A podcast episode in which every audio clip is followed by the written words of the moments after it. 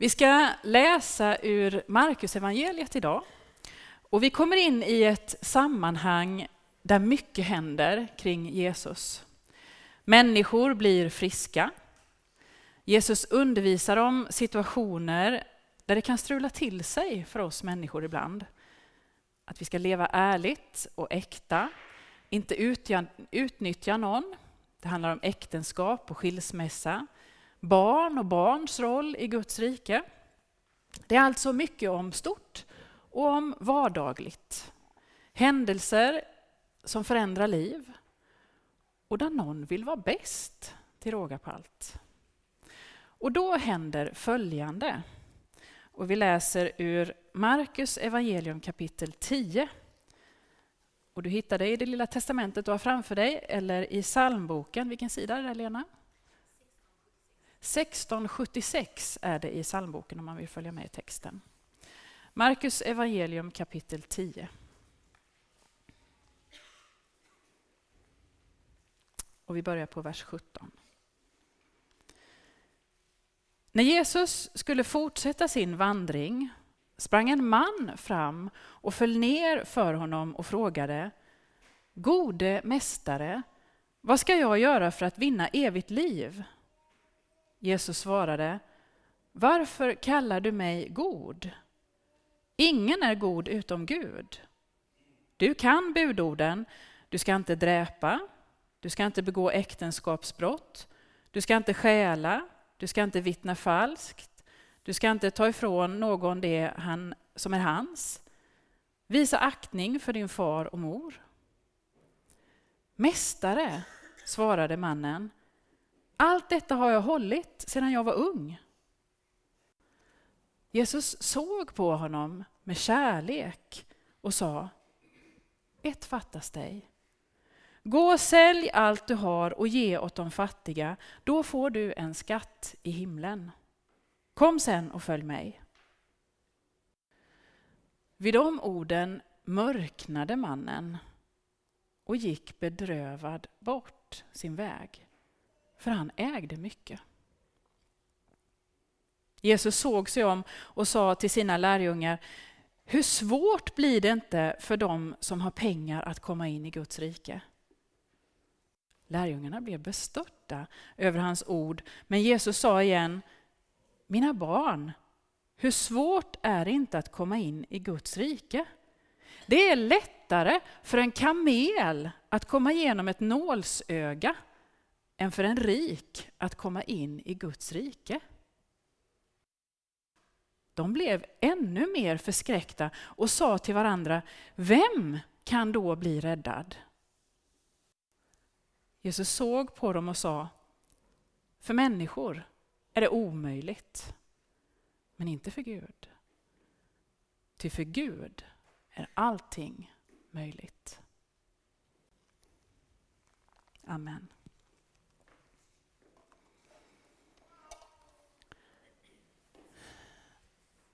Tillsammans med den här texten så skulle ju predikan kunna handla om pengar,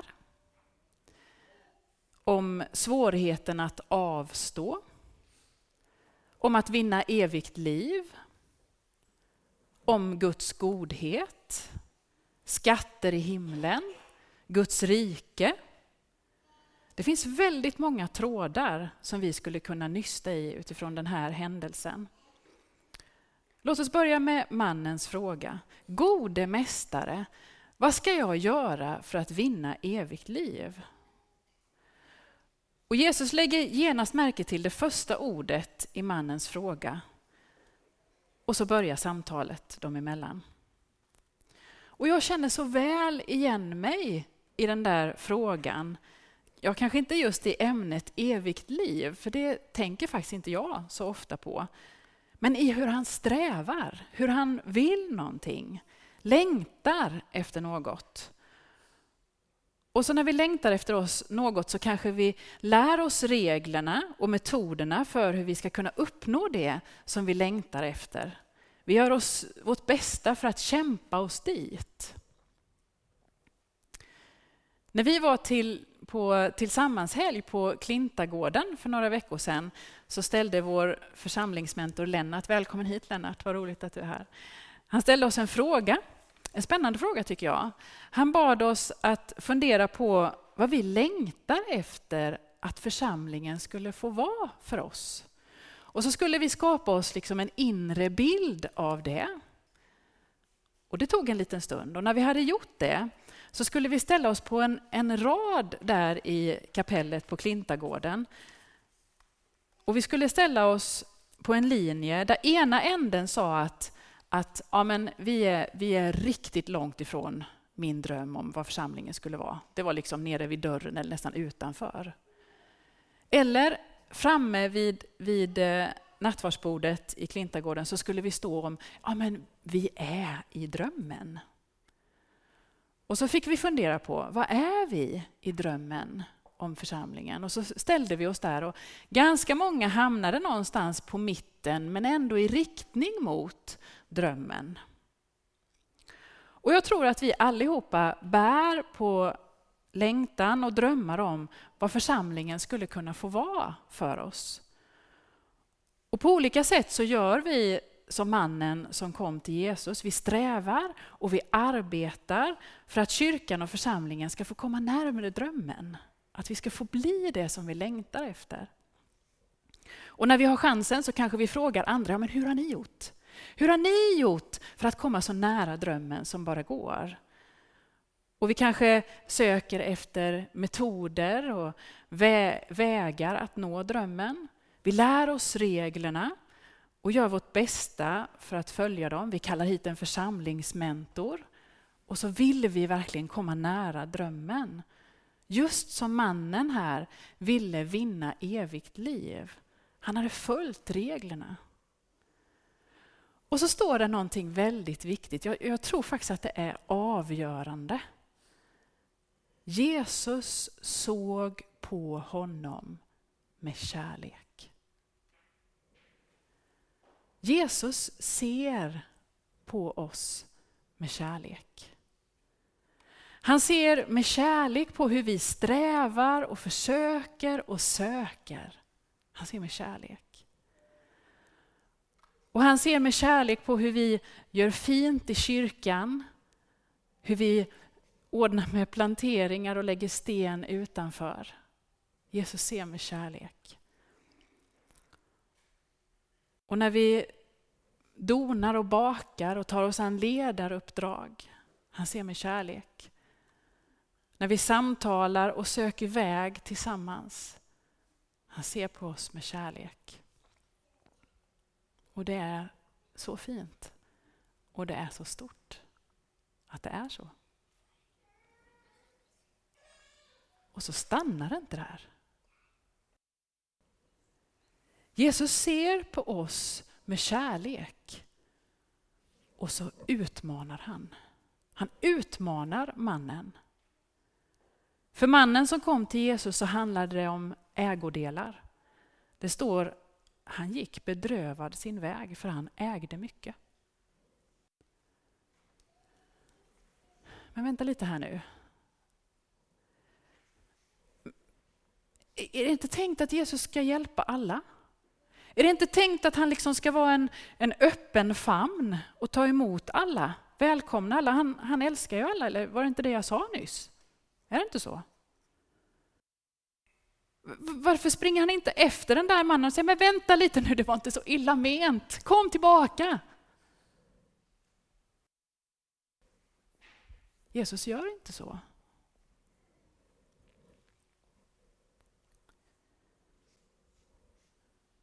Det väcker ju frågor, eller?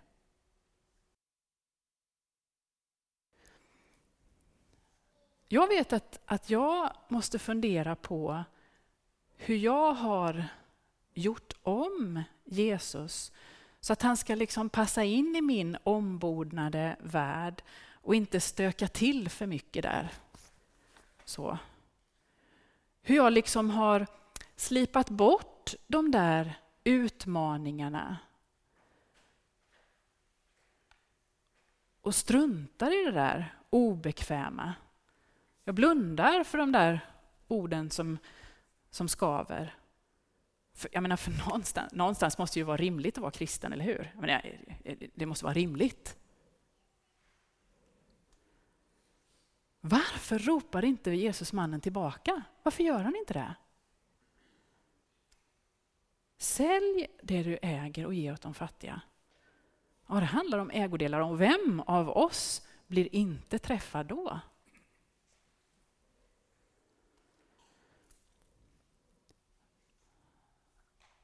Just här har vi samma val som mannen som kom till Jesus. Han valde att bedrövad gå bort. Alltså, jag ger upp. Jag ger upp. Vem ska kunna följa Jesus när det kostar så mycket? Nej, jag, jag vet inte. När det ställs så höga krav, är det meningen? Ja, antingen så väljer vi att bedrövade går bort och ge upp. Eller så friserar vi Jesus lite grann. Ja, men det är snyggt. Ja? Så att han passar in för, för mina behov och min livsstil. Att Jesus ska vara den som ger mig och gör mig. Och så fortsätter jag som vanligt. Det är bekvämt.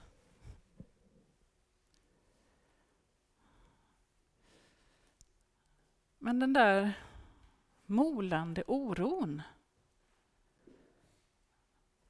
Det är, är det så man egentligen ska tänka eller göra? Jag menar, nu när den här jobbiga texten har kommit upp, vad gör vi då? Han gick bedrövad bort. Hon friserade om Jesus. Jag menar, finns det inget annat val? Vi tar en annan text istället. va? Vi tar, vi, den om Jesus och barnen, den var ju så fin som Emilia läste. Ja, men den, den är bra. Vi, vi tar den istället. Ha? inte göra det? Bedrövad gå bort eller göra om Jesus.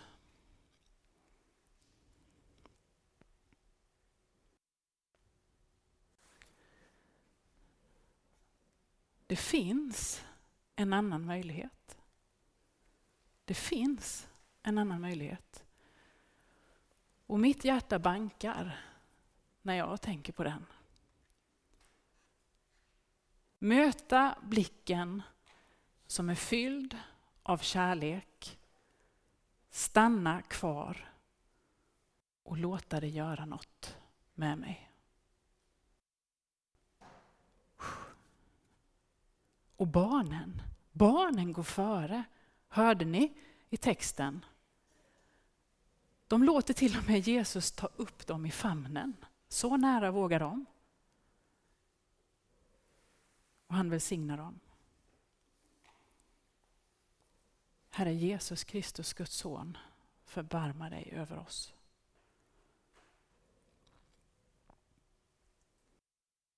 Kanske du som jag står där på lite lite lagom avstånd och kollar liksom vad som ska hända. Velar lite, vacklar. Ska jag, ska jag inte? Vill komma nära, kanske. Men till vilket pris?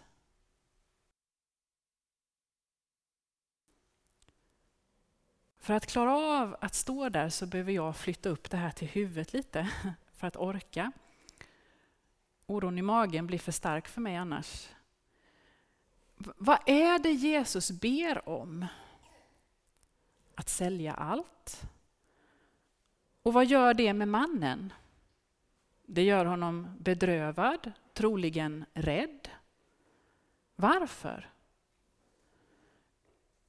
Ja, kanske för att han hade satt sin trygghet i ägodelarna. Är det en sann eller en falsk trygghet? Och vart leder den? Han kanske blir rädd för att han hade satt sin ära och sin prestige, sitt värde, sitt eget värde, i ägodelarna? Är det ett sant värde? Och vart leder det i så fall? Mycket ägodelar, mycket värdefull. Skaffa mer ägodelar. Eller kunna göra mycket. Mycket viktig och värdefull. Gör mer.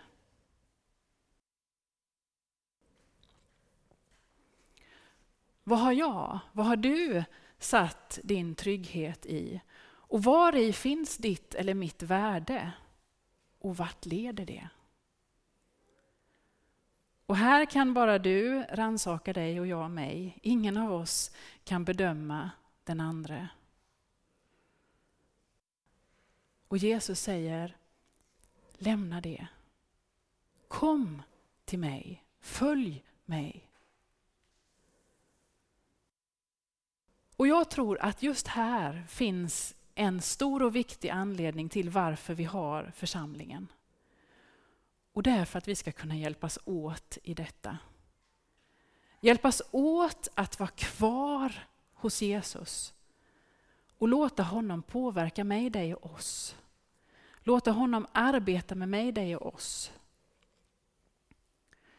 Lärjungarna fanns kvar nära Jesus och de får höra fortsättningen. Där finns befrielsen. Det är lättare för en kamel att komma igenom ett nålsöga än för en rik att komma in i Guds rike. Och när vi sätter vår trygghet, vårt värde i våra ägodelar, vad vi kan göra, våra prestationer, ja, då är det lättare för en kamel att komma in i Guds rike, eller komma igenom ett nålsöga än för oss att komma in i Guds rike. När vi stannar kvar hos Jesus så får vi veta, precis som lärjungarna, att det inte handlar om vad du eller jag kan förmå, utan det handlar om vad Gud kan göra. Och därför tror jag att den stora utmaningen för oss är att stanna kvar hos Jesus. Att våga låta närheten påverka oss. Och detta gäller mig och dig som enskilda. Och det gäller oss som gemenskap, som församling. Tillsammans som kyrka kanske vi kan våga ställa oss frågan, vad är vår falska trygghet? Vad är det vi lätt gör som ger oss en kortsiktig trygghet och tillfredsställelse? Och vad är det Jesus vill peka på för oss? Vilken riktning vill han hjälpa oss att ta ut?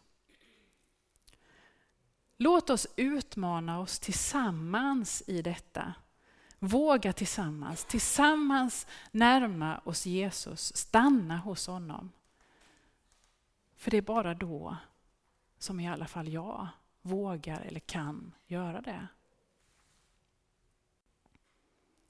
Vi kan få tjäna och ge det vi har och ytterst och till slut handlar det om vad Jesus har gjort för oss. Det handlar inte om vad du eller jag kan göra för att vinna evigt liv, utan det handlar om vad Jesus redan har gjort för oss och gett oss.